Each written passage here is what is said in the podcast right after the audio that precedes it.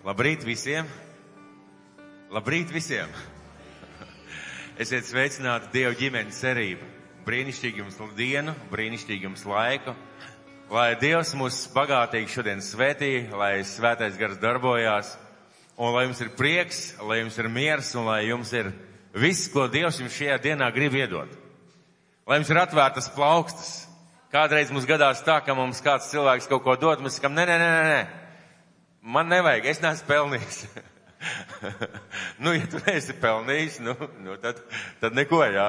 Vai, piemēram, tad, kad uh, kāds, kāds grib kaut ko labu uzdāvināt. Un tā ir vēl viena lieta, kas mums grib, Dieva bērniem ir jāmācās. Mēs vienmēr tā jūtamies, ka mēs neesam cienīgi, mēs uh, tā kā neņemsim, un es pats esmu piedzīvojis tādus uh, ļoti nērtus mirkļus. Kā cilvēks piet un saka, es gribu tev kaut ko uzdāvināt, un uh, reizēm pat tā ir kaut kādas finanses vai kaut kas tāds, vienkārši svētīt. Un saka, nē, nē, nē, nē.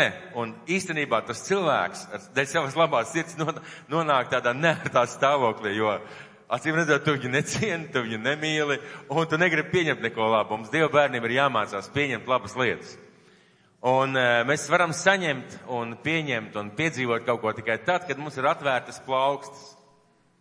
Ja jums rokās ir, kā es kādreiz sludināju, maisiņi pilni, rimī maisiņi pilni ar visādām lietām, jums būs grūti kaut ko saņemt, pareizi?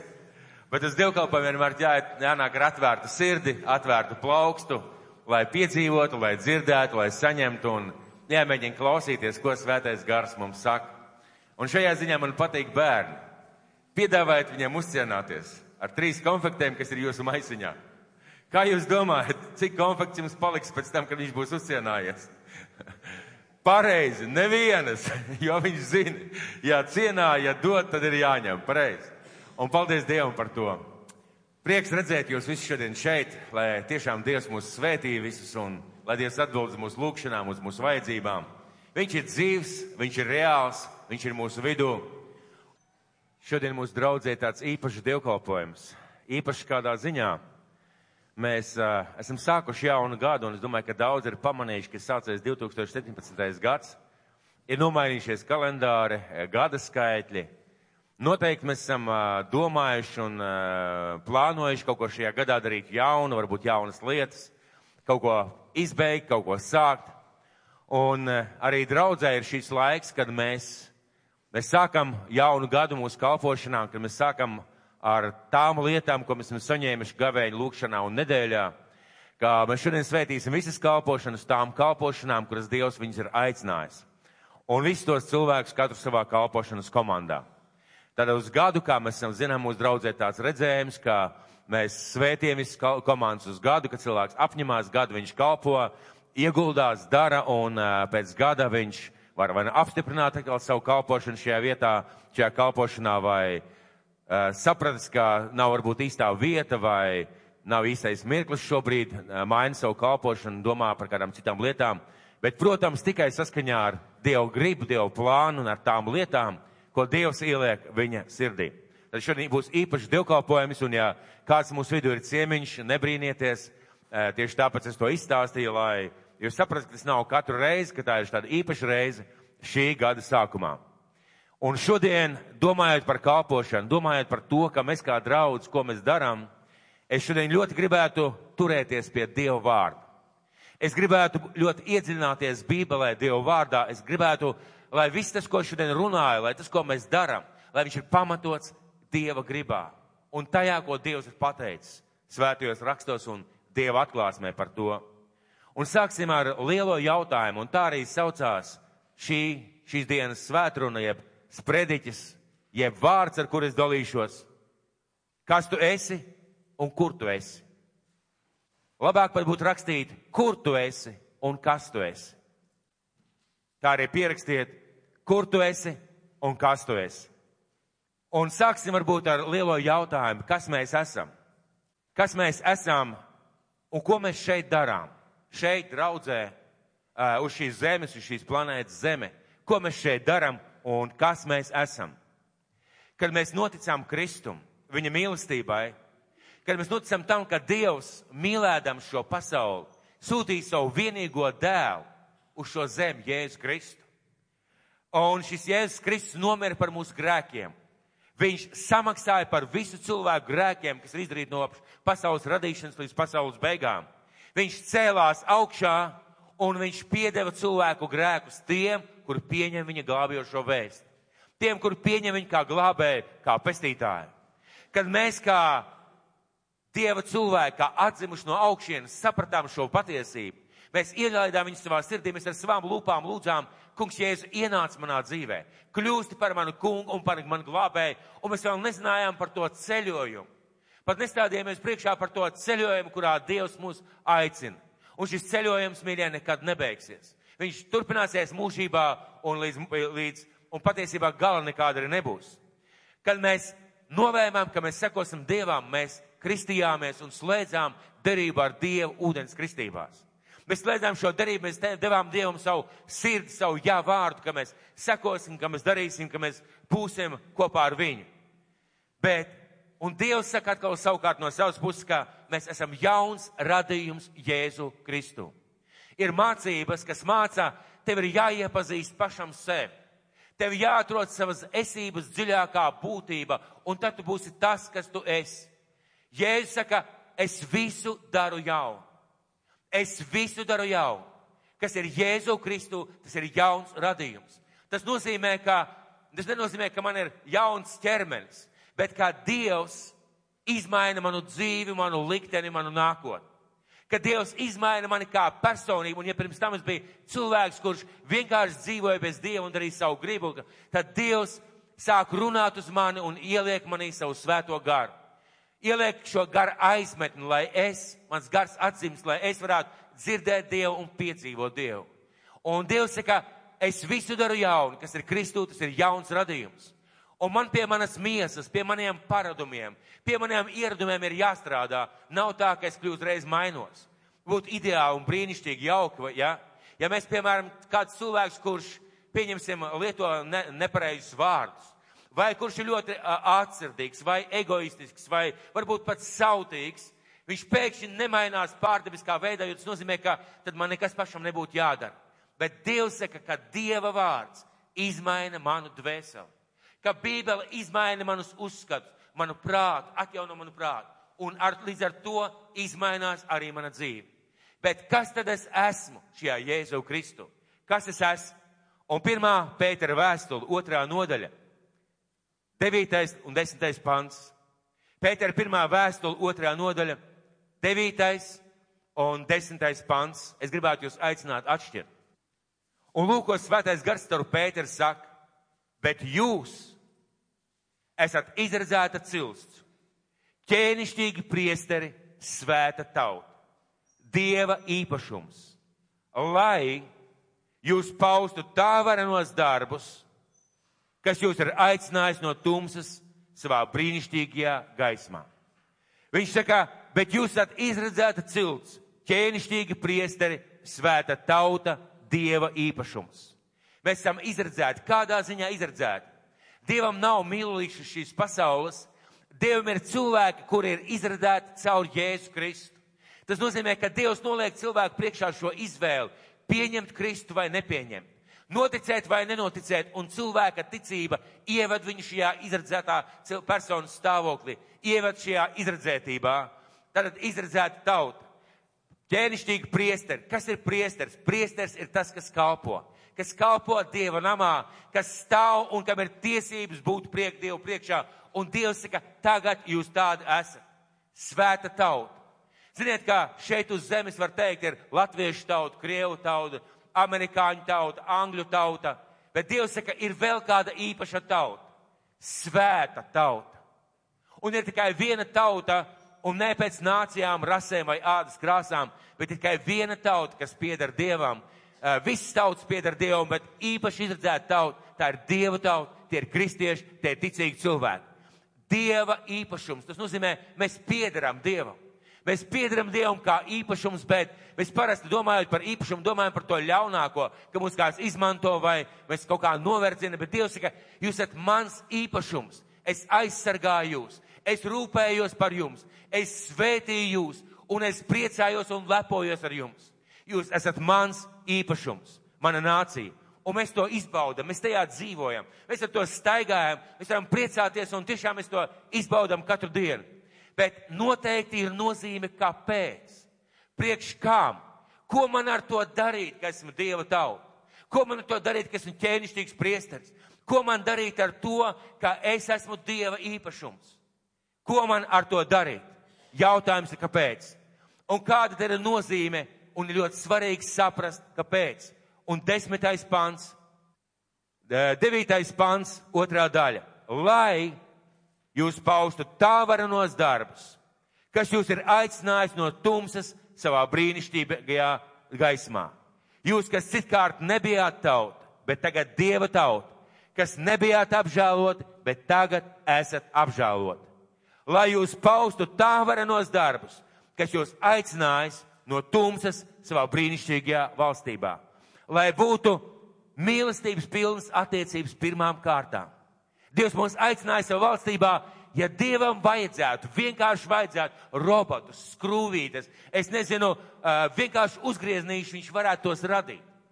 Bet viņš radīja mūsu cilvēkus, viņš deva mums brīvu gribu, brīvu izvēli, viņš deva mums garu, ar kur mēs varam satikties ar Dieva garu. Viņš deva šo iespēju, ka mēs varam piedzīvot Dievu, un pēc tam, lai no brīvas gribas, no mīlestības pilnām attiecībām paustu viņa varenos darbus. Pirmām kārtām, lai mīlētu viņu, lai būtu viņa mīlēta un lai izbaudītu viņa mīlestību. Un otrām kārtām, lai paustu viņa varenos darbus. Lai paustu viņa varenos darbus. Bet kā šī dieva tauta, kā šī nācija, kā šī, šie priesteri, kā viņi turās kopā? Kā viņi turās kopā šī dieva tauta? Kā viņi var paust Kā šī dieva tauta var paust dievu varnos darbus?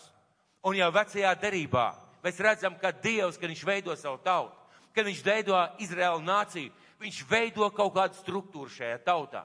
Viņš veido kaut kādu eh, sakārtotību, kaut kādu, kaut kādu organizētu vienību, un mēs redzam, ka tur ir daudz dažādas lietas, ko viņi dara. Ir priesteri, ir levīti, katram savs pienākums, katram sava atbildība, un ļoti daudz viss kaut kas uzskāja, uzskaitīts. Mēs redzam jau šo līdzību. Bet Mateja evaņģēlijā, Mateja evaņģēlijā, 16. nodaļa, 18. pants. Mateja evaņģēlijas, 16. nodaļa, 18. pants. Runa ir par to mirkli, kad Jēzus pajautā Pēterim un saviem mācekļiem, ko jūs par mani sakat? Kas es esmu? Un Pēters kopā ar mācekļiem saka, tad mācekļi saka, tu esi mesi, tu esi viens no praviešiem, skolotājs, liels cilvēks, es tagad saviem vārdiem Un ja es saku, bet jūs, jūs, kas esat kopā ar mani, un Pēters saka, tu esi Kristus dzīvā Dieva dēls. Un ja es atbildi ir pārsteidzoša, un mēs varētu izlasīt, kā tas skan. Un Jēzus atbildēja viņam sacīs, svētīgs tu esi Sīmani, Jonas dēls, jo miesa un asinis tev to neatklāja, bet mans tēvs, kas ir debesīs. Un es tev saku, tu esi Pēters, un uz šās klīns es gribu celt savu draudzi, un Elas vārtiem to nebūs uzvarēt. Un šī klints ir atklāsme, ka Jēzus Kristus ir Dieva dēls. Un viņš saka, es gribu celt savu draudzi. Uz šīs atklāsmes es gribu būvēt savu draudzi. Draudzi, kas pieder man, draudzi, kur es svētīju, draudzi, kur es veidoju, tātad draudzi, kas ir šī īpašā tauta, šī īpašie priesteri.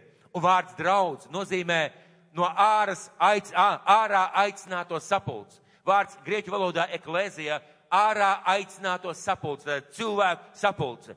Un jau šajā jēdzienā sapulce vai ārā aicināto sapulce ir kaut kāda iezīme par struktūru. Jēdziens, struktūra, sakārtotība, kaut kas organizēts, organisms, kaut kas tāds, par ko mēs varam domāt, domājot par šo vietu. Un eh, tā ir kāda vieta, kur kaut kas notiek, kur kaut kas veidojās un kaut, kā, kaut kas ir sakārtots.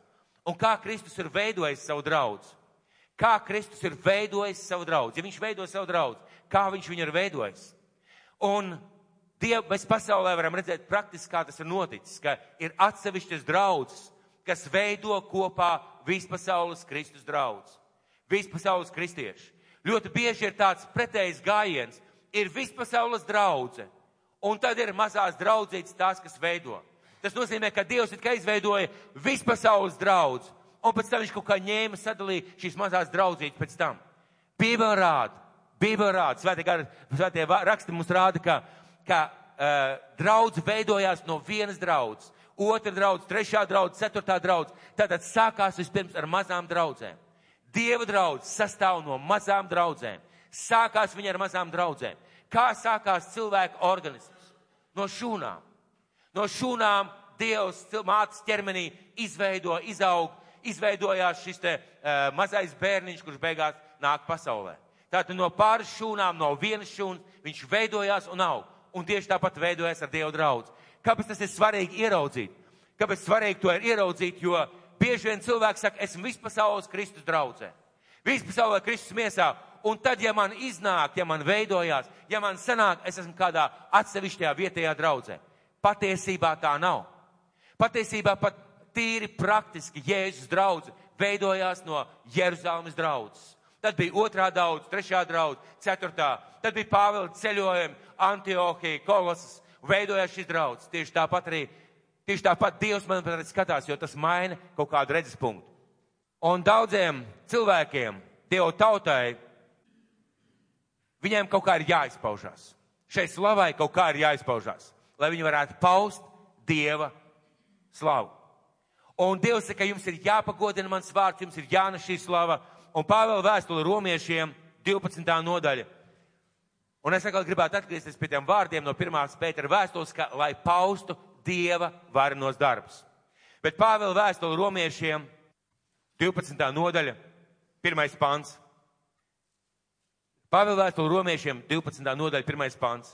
Es lieku pie sirds brāļa, Dieva žēlsirdības vārdā, nodot sevi pašus par dzīvu, svētu, Dievam patīkamu upuri.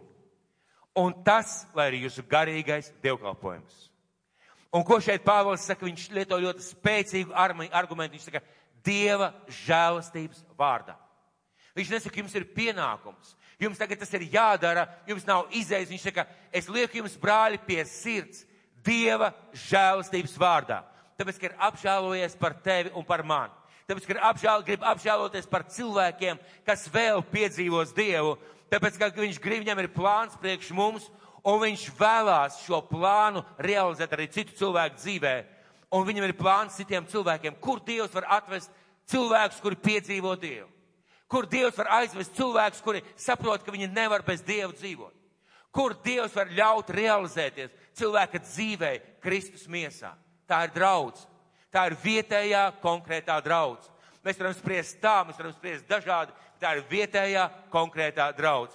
Un viņš saka, Dieva žēlsirdības vārdā, es lūdzu nododiet sevi pašu par dzīvu svētu, Dievam patīkamu upuri. Un, lai, un tas, lai ir jūsu garīgais dievkalpojums. Kurā vietā? Draudzē. Draudzē, tikai un viennozīmīgi draudzē. Mēs varam būt kaut kādā mirklī kaut kur atdalīgi. Mums var būt kaut kāda meklējuma posms. Mums var būt kaut kāds laiks, kad mēs pāriem kaut kur citur vai citā vietā dzīvot vai citā valstī. Bet Dievs saka, ka draudzē ir tā, kas visu visur piepilda. Viņa miesa, viņa Kristus līgau. Un nav iespējama lielā draudze bez atsevišķām draudzēm. Nav iespējams, ja ir iespējams kristietis, bet tikai tad viņš nav pēc Dieva vārda, nav Dieva vārdā, ja viņš vienkārši kaut kur dzīvo kā satelīts un viņš nav kāda draudzes loceklis, nav sakņojies kādā draudzē. Jo Dievs saka, draudze ir tā, kas visu visur piepilda. Kas ir draudz? Kas ir draudz? Tā ir Kristus miesa un galva ir Kristus. Tā ir Kristus miesa un galva Kristus. Un lai labāk mēs saprastu šo līdzību, jo cilvēciski to ir diezgan grūti saprast, Dievs pirmajā vēstulē korintiešiem runā par ķermeni. Pirmā vēstule korintiešiem 12. nodaļa, pirmais pants. Sāksim ar 12. pantu.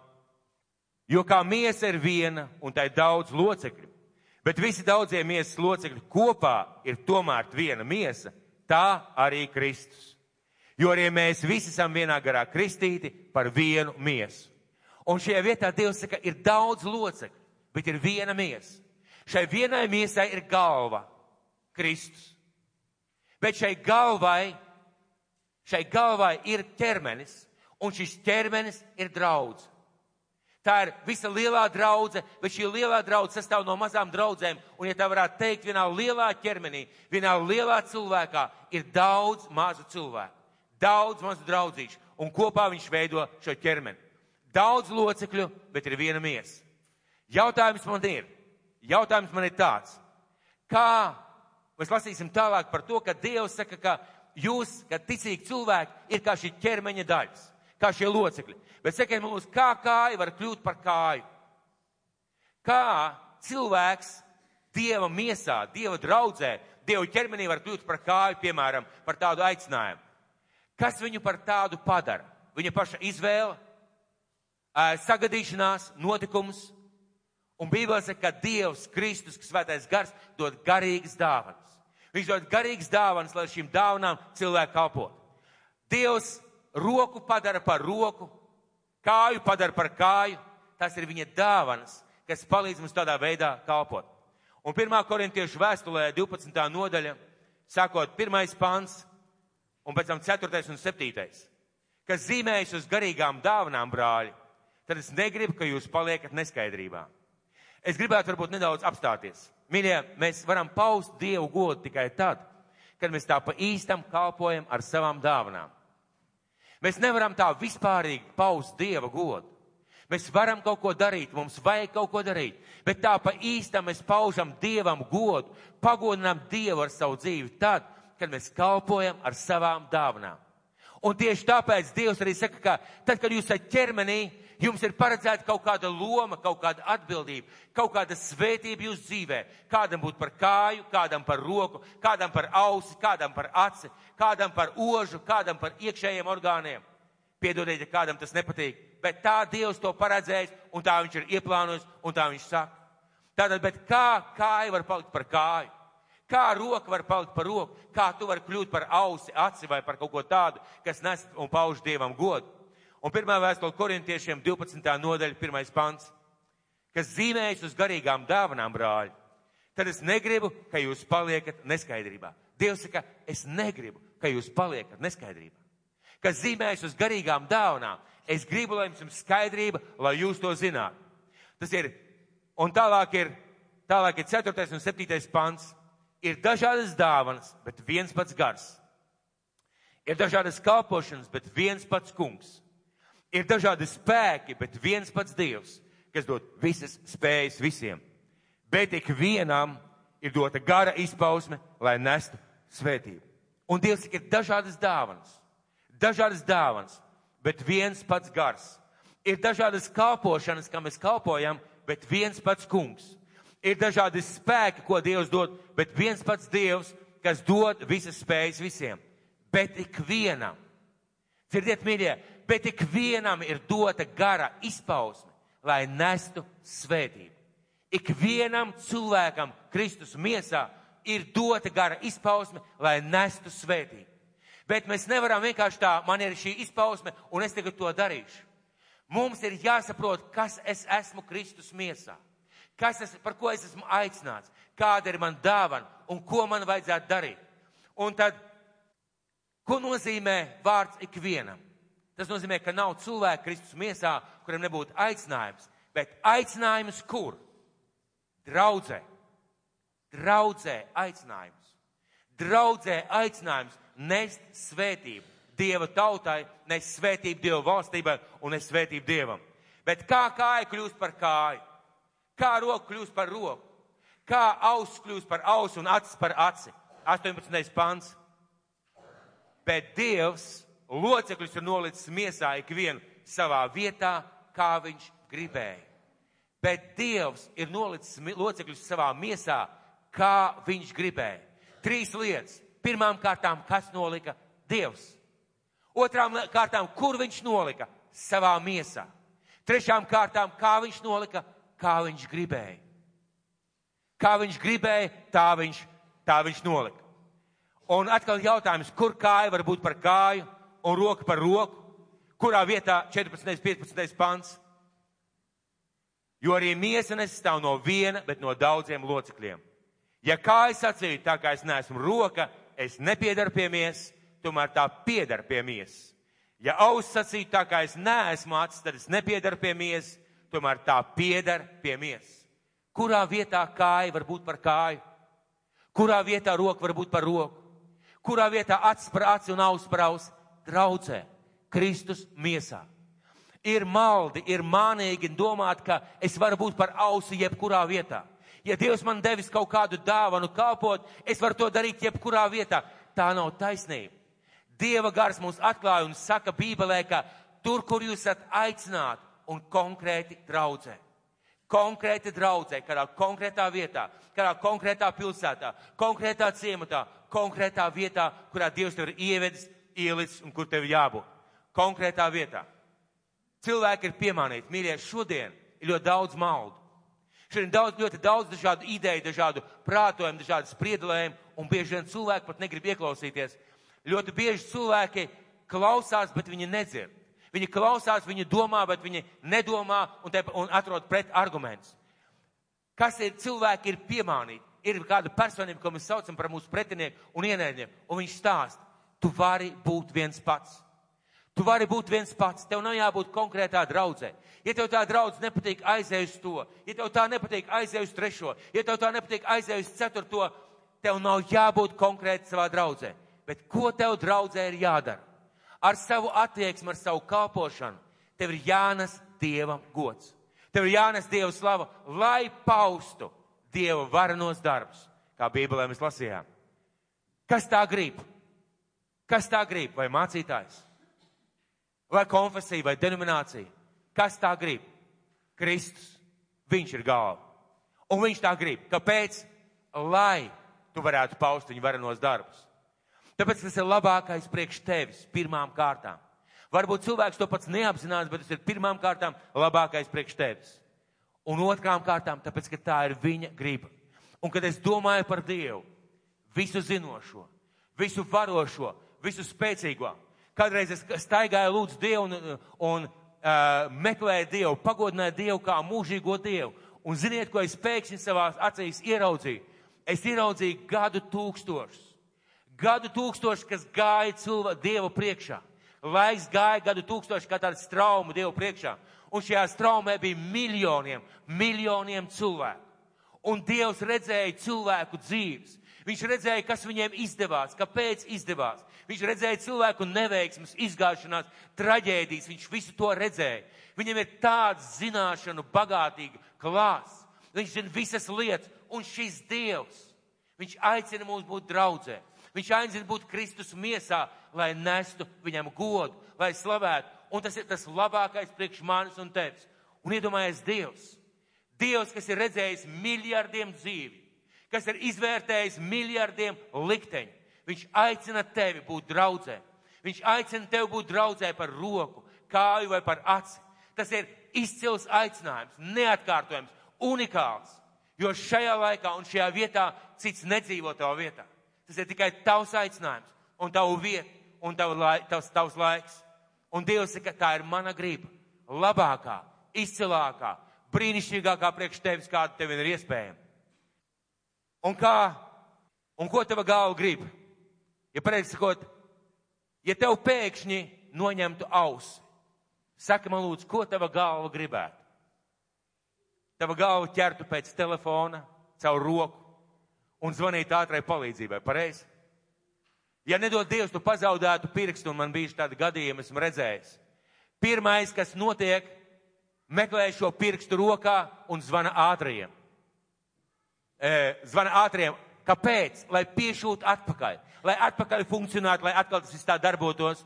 Un bīstamība, jūs ziniet, ir tā, ka ja kādu ķermeņa daļu norauj divu stundu laikā, ja viņu nepiešuj vai nepareizi saglabā, šis, šis ķermeņa daļa aiziet bojā. Un tieši tāpēc mediķi vienmēr tādos gadījumos uzreiz prasa, vai jūs atradāt to pirkstu, vai jūs atradāt to roku, vai jūs uzlikāt uz ledus, vai jūs iemērcējat kaut kādā augstā ūdenī, jo viņi saprot, ka divu stundu laikā, ja tas nenotiks, šis ķermeņdaļa aizies bojā. Mēs ārkārtīgi bieži, mēs, Dievu bērni, izturamies vilprātīgi pret savu dzīvi. Un cilvēki, kuri dzīvo bez draudzēm, kuri nav nevienā draudzē sakņoti, man tiešām žēl šo cilvēku. Viņi laiž garām savu dzīvi, savu aicinājumu, savu vietu, savu izredzētību. Šie cilvēki laiž garām. Kas notiek, ja mūsu orgāni nefunkcionē? Kas notiek, ja ir kaut kāda lieta tavā ķermenī, kas nefunkcionē? Cieš visa tava miesa. Pirmām kārtām cieš tava miesa. Tu ciet. Tu ciet no tā, un tev ir problēmas. Un, ja tas ir kaut kas mazsvarīgs, tad vēl var pieciest. Bet, ja tas kaut kas nopietns, tas ir ļoti nopietni, un tas, tas nopietni iespaido tavu dzīvi. Un draudzē, ja, kā, ja nav, nav cilvēks kādā kalpošanā, vai nezina kādā kalpošanā, pirmām kārtām cieši cilvēks pats. Otrām kārtām cieši šī draudz. Un trešām kārtām cieši Kristus miesa un pats Kristus. Un cilvēkiem ir tendence dzīvot priekš sevis. Jūs zināt, ka cilvēkiem ir tendence dzīvot priekš sevis, un tieši tāpēc Pāvils rakstīja, es jūs lūdzu, lieku pie sirds brāļi Dieva žēlastības vārdā. Nodot sev pašu par dzīvu, svētu, Dievam patīkamu upuri. Kāpēc viņš to rakstīja? Jo cilvēkiem ir tendence dzīvot, jeb censties dzīvot priekš sevis. Un es ļoti interesanti pateicu, viņš pateica vārdus, ja kas savu dzīvību grib glābt, viņš to zaudēs. Ja kas savu dzīvību zaudē, viņš to izglābs. Ko nozīmē šie vārdi? Esmu diezgan daudz par to centies domāt. Un ziniet, man liekas, ko tas nozīmē? Tas nozīmē, ka Dievs iedod tev tavu īsto dzīvi, tavu aicinājumu, tavu vietu. Tā ir tava īstā dzīve. Bet tu beidz no šīs īstās dzīves, tu meklē savu dzīvi, meklē dzīvot priekš sevis, ko nozīmē zaudēt dzīvi. Manuprāt, tas ir tā dzīvot priekš sevis vai dzīvot priekš Dievu. Dzīvot priekš sevis ir glābt savu dzīvi, jeb sargāt savu dzīvi un savu dzīvību. Dzīvot priekš Dieva ir kā zaudēt savu personīgo dzīvi, bet iegūt to dzīvi, ko dod Dievs. Un bieži vien cilvēki, cenšoties glābt savu dzīvi, savu pārliecību, savu laiku un daudz lietas un savu personīgo dzīvi, cilvēki zaudē to dzīvi, ko Dievs viņiem gribēja iedot. Un jūs ziniet to pēdējo laiku aktualitātes, ka pastāv virtuālā pasaule. Ja mēs paskatāmies internetā, tad ir vesela paudze. E, pat Japānā viņi pat virtuāli precās, viņiem ir virtuālas sievas, viņiem ir virtuāla dzīve. Patiesībā viņi laiž garām savu dzīvi, savu personīgo vienīgo dzīvi. Un viņi it kā savu dzīvi izdzīvo šajā virtuālā pasaulē, bet nelaime ir tā, nelaime ir tā, ka viņi palaiž garām savu personīgo dzīvi. Un ja es saku, ja tu nedzīvo to dzīvi, ko es tev dodu, tu patiesībā palaid garām viņu tu viņu zaudē. Tu viņu zaudē, tu apmaini to dzīvi, ko es tev gribēju iedot. Pret to, ko tu pats izdomāji, izvēlējies, bet tu zaudē. Un pienāk mirks, ka mēs saprotam, ka mēs esam zaudējuši. Un Dievs noteikti tā nevēlas. Jo tā dzīve, ko Dievs mums dod, tā ir brīnišķīga un lieliska. Kas savu dzīvību zaudēs, jeb savu dzīvi zaudēs, tas to saglabās. Un vispirms jautājums, kur tu esi? Vārds, ar kur es dalos, saucās, kur tu esi, un otrs, kas tu esi. Kur tu esi, vai tu esi draudzē? Šodien tāds labs jautājums, vai tu esi draudzē? Kāpēc es par to jautāju? Vai tev tas ir jāzina, ka tu esi draudzē? Vai tas cilvēkam ir jāzina? Manuprāt, ļoti viennozīmīgi un simtprocentīgi. Ziniet, kāpēc? Ļoti vienkārši.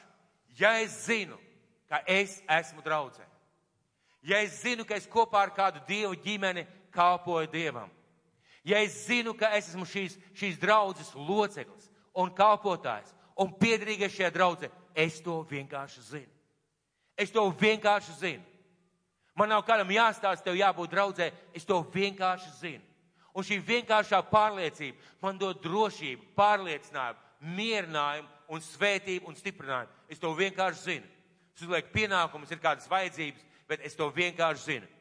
Ko tas dod, ja tu zini? Ja tu zini, tu zini pa īstam. Tu zini, tu zini pa īstam. Ja jums pajautāt kāds cilvēks, kurš nav draudzē, vai jūs runājat kādu cilvēku, kurš nav nevienā draudzē, es domāju, ka mēs atrastu, ja šis cilvēks atrastu simtiem dažādu iemeslu. Simtiem.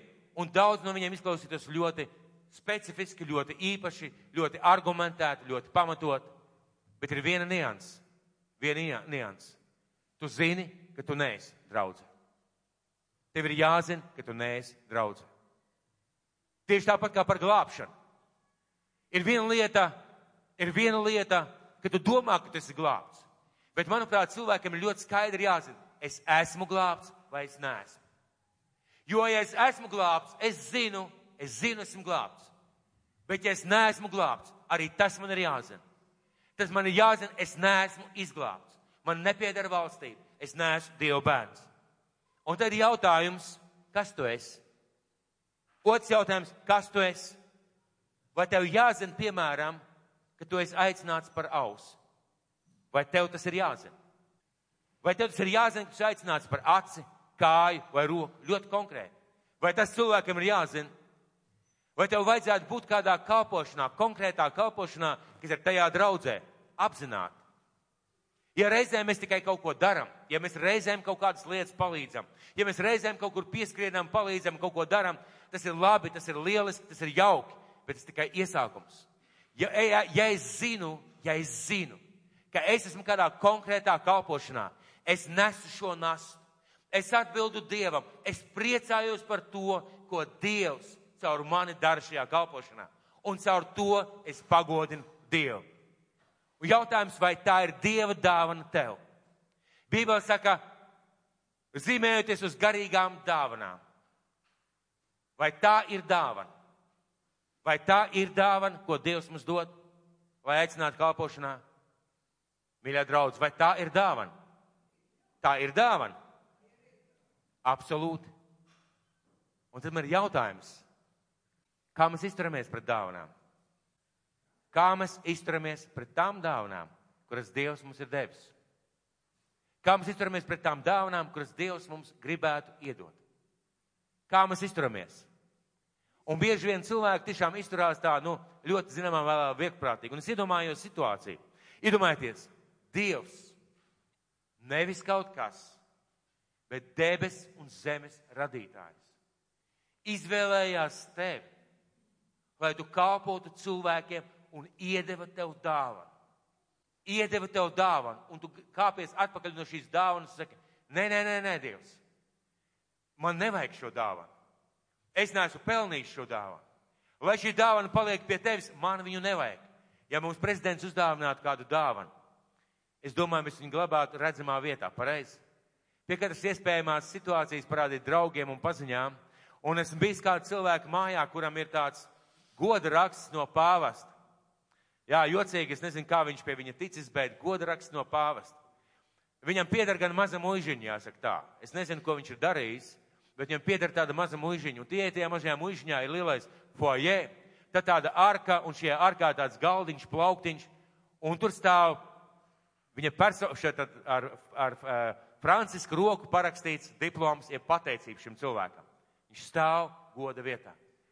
Un lai kā mēs skatītos uz šīm lietām, vienu lietu ieraudzīju. Šis cilvēks ļoti novērtē to, ko pāvests viņam ir uzdāvinājis.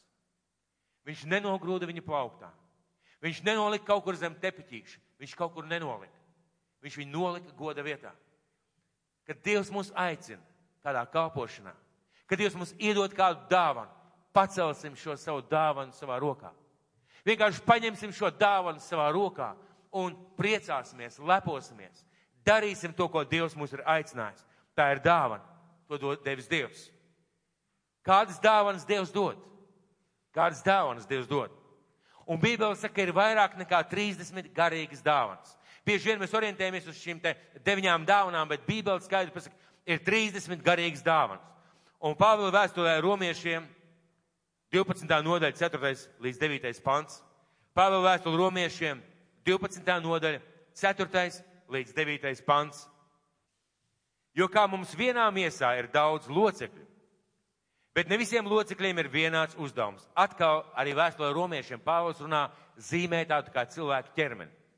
Jo kā mums vienā miesā ir daudz locekļu, bet ne visiem locekļiem ir vienāds uzdevums, tāpat arī mēs daudzi kopā esam viena miesa Kristu.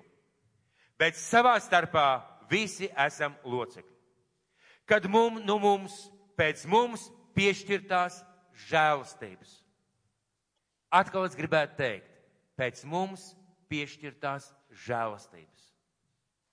Pēc mums piešķirtās žēlastības. Un kurā vietā šī žēlastība var izpausties? Kurā vietā tu vari kļūt par aci, ausi vai kāju vai roku? Tā ir draudz. Pēc mums piešķirtās žēlastības ir dažādas dāvanas.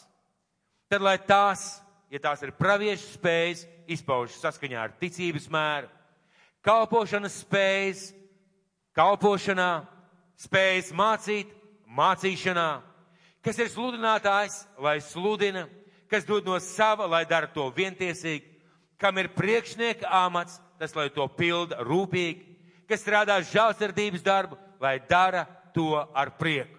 Lai dara to ar prieku. Un lūk, Dievs skaidri pasaka. Mīļie, kas strādā žēlsirdības darbu, kas ir priekšnieks, kam ir kāds vadīšanas darbs, kam ir kāda pravietošana, kam ir kāda kalpošana, kāda konkrēta kalpošana, lai to dara saskaņā ar ticības mēru, bet lai to dara draudzē, Dieva miesā, Kristus miesā, Kristus līgavā un uh, Dieva ķermenī. Un tālāk, šis devītais pants. Jūsu mīlestība, lai ir neliekuļot. Un Dievs vēl piebilst, bet dariet to mīlestībā.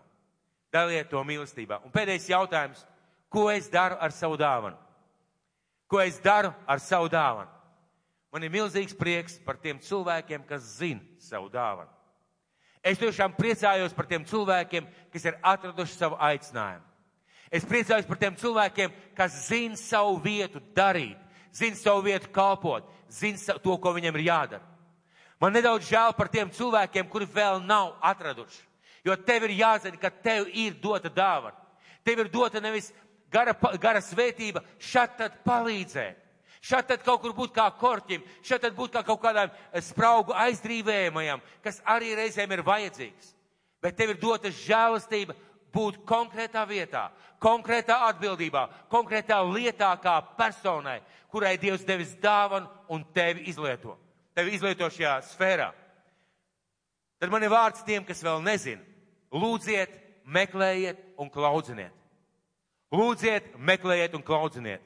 Bet kamēr tu gaidi, kamēr tu meklē, kamēr tu domā, ko tev vajadzētu darīt, ko Dievs tev ir ielicis dzīvē, pievienojies kādai konkrētai kalpošanai. Man vienmēr ir uzrunājis šis vārds, ko Dievs saka, kas ir uzticams mazās lietās. Mēs ļoti bieži gaidām no Dieva lielas lietas vai vismaz kaut ko tādu nozīmīgu, tādu svarīgu, tādu aktuālu, kura tiešām mēs varam realizēties, bet Dievs parasti mums iedod mazas lietas.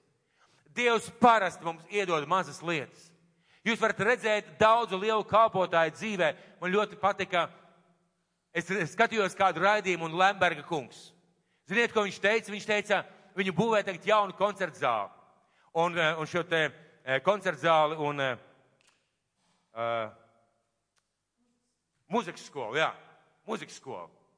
Un uh, viņam jautā Lemberkungs, bet ko jūs tur darīsiet? Varbūt uzstāsiet. Viņš saka, es tur neuzstāšos, es tur esmu bijis par pasniedzēju.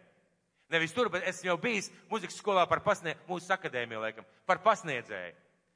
Uh, žurnālisti izskatījās drusku pārsteigti, kā tas jūs bijis par pasniedzēju. Kā? Es tur jaunībā pasniedzu atslēgas. Es tur esmu bijis. Kāpēc viņš tur pasniedz atslēgas? Viņš pelnīja naudu. Viņš to pateica publiski televīzijā, tāpēc es to varu teikt. Arī Dievs mums iedod mazas lietas. Sākās viss no atslēgu pasniegšanas, un kā tu viņas pasniedz, tā Dievs tev tālāk virza. Bieži vien Dievs mums iedod nevis manu lietu, bet svešu lietu. Svešu lietu, ko Bībele par to saka, kas ir uzticams svešās lietās. Tas būs uzticams savā lietā. Kas tev dos tavu lietu, ja tu svešā lietā neesi uzticams? Ko nozīmē svešā lieta? Ne jau dievam svešā, ne jau draudzē, bet tā nav tava īstā atbildība. Tas nav tavs īstais aicinājums, tā nav varbūt tava īstā vieta, bet Dievs tev iedod šo vietu, un viņš uzmanīgi vēro. Viņš uzmanīgi vēro ar kādu sirdi, ar kādu attieksmi, kā tu to darīsi, kā tu to veiksi. Un ja tu ej tajā visā iekšā un dari pareizi, Dievs iedos tev tavu īsto vietu. Un ziniet, ko es jums pateikšu? Laimīgākie cilvēki Kristus miesā ir tie, kas ir atraduši savu aicinājumu, kas ir atraduši to īpašo unikālo dāvanu, to vienīgo sveci, kas deg priekš tevis. To dāvanu, par kur ir vērts atdot savu dzīvi. Mēs reizēm sakam, atdosim savu dzīvi par Kristu, kā tu viņu atdos. Ja tev neliek nazi pie rīklas vai nešauj tev nost, kā tu atdos savu dzīvi par Kristu? Vienīgais veids, kā tu vari atdot, kalpojot tajā draudzē, kur tu esi. Vienīgais veids, kā tu vari dot, kalpojot tajā vietā, kur Dievs tevi ir aicinājis, ar savu dāvanu, ar savu ieguldīšanos. Un redziet, mīļie draugi, mēs iedomājamies cilvēku ķermeni. Padomājiet par tādu veselu, veselīgu ķermeni. Viņam viss darbojās, viss notiek, viss veidojās, viņš iet uz priekšu, viņam ir spars strādāt, viss notiek un viss ir brīnišķīgā kārtībā. Dievs tā ir iecerējis Kristus miesu. Dievs tā ir iecerējis Kristus draudz. Un kad cilvēks saka, es negribu būt draudzē, es negribu būt iesaistīts, es negribu būt kaut kādā atbildībā, cilvēks kāpjas projām no Dieva aicinājuma, no Dieva dāvanas priekš savas dzīves. Un kas ir ļoti bēdīgi, Dievs tā nekad arī nespēs iedot viņam viņa dāvanu un viņa kalpošanu. Mēs kaut ko darīsim, mēs kaut ko knibināsim, mēs kaut ko veidosim, bet, ziniet, mīļie, iet laiks. Es daudz labāk, daudz labāk aiztaisu acis un laižos ar Dievu ceļojumā, kuram es nezinu ne galu, ne rezultātu, varbūt ne malu. Paļaujos Dievu žēlastībai, ja Viņš man ir aicinājis, ja Viņš man ir devis kaut ko, ja ir kaut kas tāds, ko Viņš man aicina, labāk es to darīšu simts reizes vairāk, nekā kāpšos atpakaļ un palaidīšu garām to, ko Dievs man varēja iedot. Kad es domāju par mūsu Dievu, man sirds tiešām pildās ar milzīgu pateicību Dievam. Par visām tām brīnišķīgajām lietām, mīļie, ko mēs ar jums esam pieredzējuši, kad esam bijuši savā vietā, savā aicinājumā, īstajā laikā. Tas ir neticami, tas ir fantastiski. To nevar izdomāt, to nevar atkārtot, to nevar noorganizēt, to vienkārši nevar. Jo Dievs mūs ved pa savu ceļu. Kur tas var notikt? Pirmām kārtām draudzē. Un mana personīgā pārliecība viennozīmīgi draudzē. Kā tas var notikt? Kā tas var notikt? Kad Dievs iedod tev šo dāvanu, kad Viņš aicina tevi kādā kalpošanā, kad Viņš uztic tev kādas lietas, ko tev darīt, sākot no mazākā. Un ka tu ej tajā visā, un ka tu to visu dari. Tāpēc, kamēr gaidi, kamēr gaidi, pievienojies kādai kalpošanai. Šodien svētīsim kalpošanas mīļie. Un ārā ir saraksts, es vēlāk par viņu pateikšu. Visas kalpošanas ir izlikušas savas, eh, savas kalpošanas vadītājus, vīziju, un tur var pierakstīties. Var pierakstīties, nepaliec malā. Vienkārši neļauj, lai šis gads aizslīd tev gar degunu. Reizēm cilvēks saka, brīnišķīgi nodzīvoju šo gadu. Nu, lieliski pavadīju. Biju Turcijā, nopelnīju 30 tūkstošus, iegādājos jaunu mašīnu, labi atpūtos, brīnišķīgi nodzīvots gads. Bet kas palika pāri no šī gada? Vai kāda cilvēka dzīvē tas kaut ko vēl nozīmē, izņemot tevi un tavu ģimeni? Vai Dieva valstībā tas kaut ko atnesa, ka tu tādā veidā nodzīvoji? Atbildes to ir vienīgi mums pašiem un, protams, arī Dievam. Un es gribētu lūgt, mēs lūgsim tūlīt par kalpošanām. Un kā jau es teicu, es ļoti priecājos par tiem cilvēkiem, kuri ir atraduši savu draugu, neideālu, bet savu draugu, savu ģimeni. Es ļoti priecājos par tiem cilvēkiem, kuri, lai kādi būtu viņa apstākļi un kāds būtu viņa vecums, viņi ir konkrēti kādā kalpošanā. Un es ļoti priecājos par tiem cilvēkiem, kurus mēs šodien sauksim priekšā, par kuriem mēs lūgsim un mēs svētīsim viņš šajā kalpošanā. Un ja tu neesi nevienā sarakstā, ja tu neesi nevienā kalpošanā, tev tiešām ir iespēja šodien. Ārā ir iespēja pierakstīties, tev ir iespēja domāt par to, un tev ir iespēja mainīt savu dzīvi. Mūsu debes tēvs, mūsu debes tēvs, es šodien dziļā pazemībā noliecos tavā priekšā. Mīļais Kristus, mūs darījis par saviem bērniem. Tu esi mūs aicinājis savā valstībā. Tu esi devis mums būt par tavu īpašo tautu. Un mīļais Kristu, tu mūs esi darījis par savu miesu.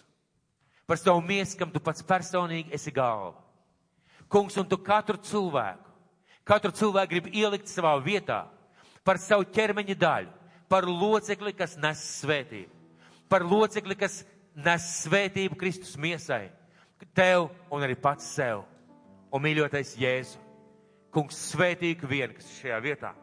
Debes Tēvs, liec par to domāt, liec par to sapņot, liec par to atcerēties. Tie, kas ir šajā kalpošanā, kungs bagātīgi viņus svētī ar savu gara dāvanām vēl vairāk. Tiem, kuriem nav vēl nevienā kalpošanā, kungs ved uz kādu atbildības vietu. Kungs ved uz to īpašo vietu.